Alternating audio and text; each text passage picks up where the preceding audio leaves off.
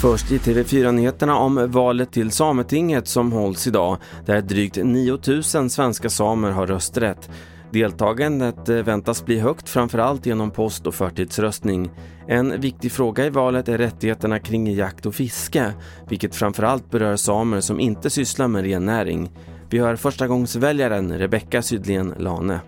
Det är som två olika parter, att man ska försöka mötas i mitten. För nu är det som att en har allt och så sen blir resten liksom utan.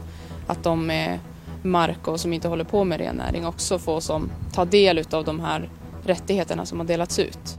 Två personer har anhållits på sannolika skäl efter att en man hittats död i Ronneby igår kväll, det rapporterar P4 Blekinge.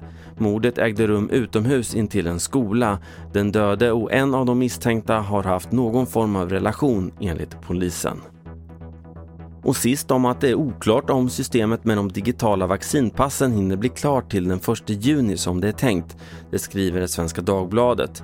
Anledningen till dröjsmålet uppges vara att passet inte enbart gäller vaccination utan även provsvar för covid-19. Dessutom inväntar Sverige EU-lagstiftning. Det var senaste nytt från TV4 Nyheterna. Mitt namn är Carl-Oskar Alsén.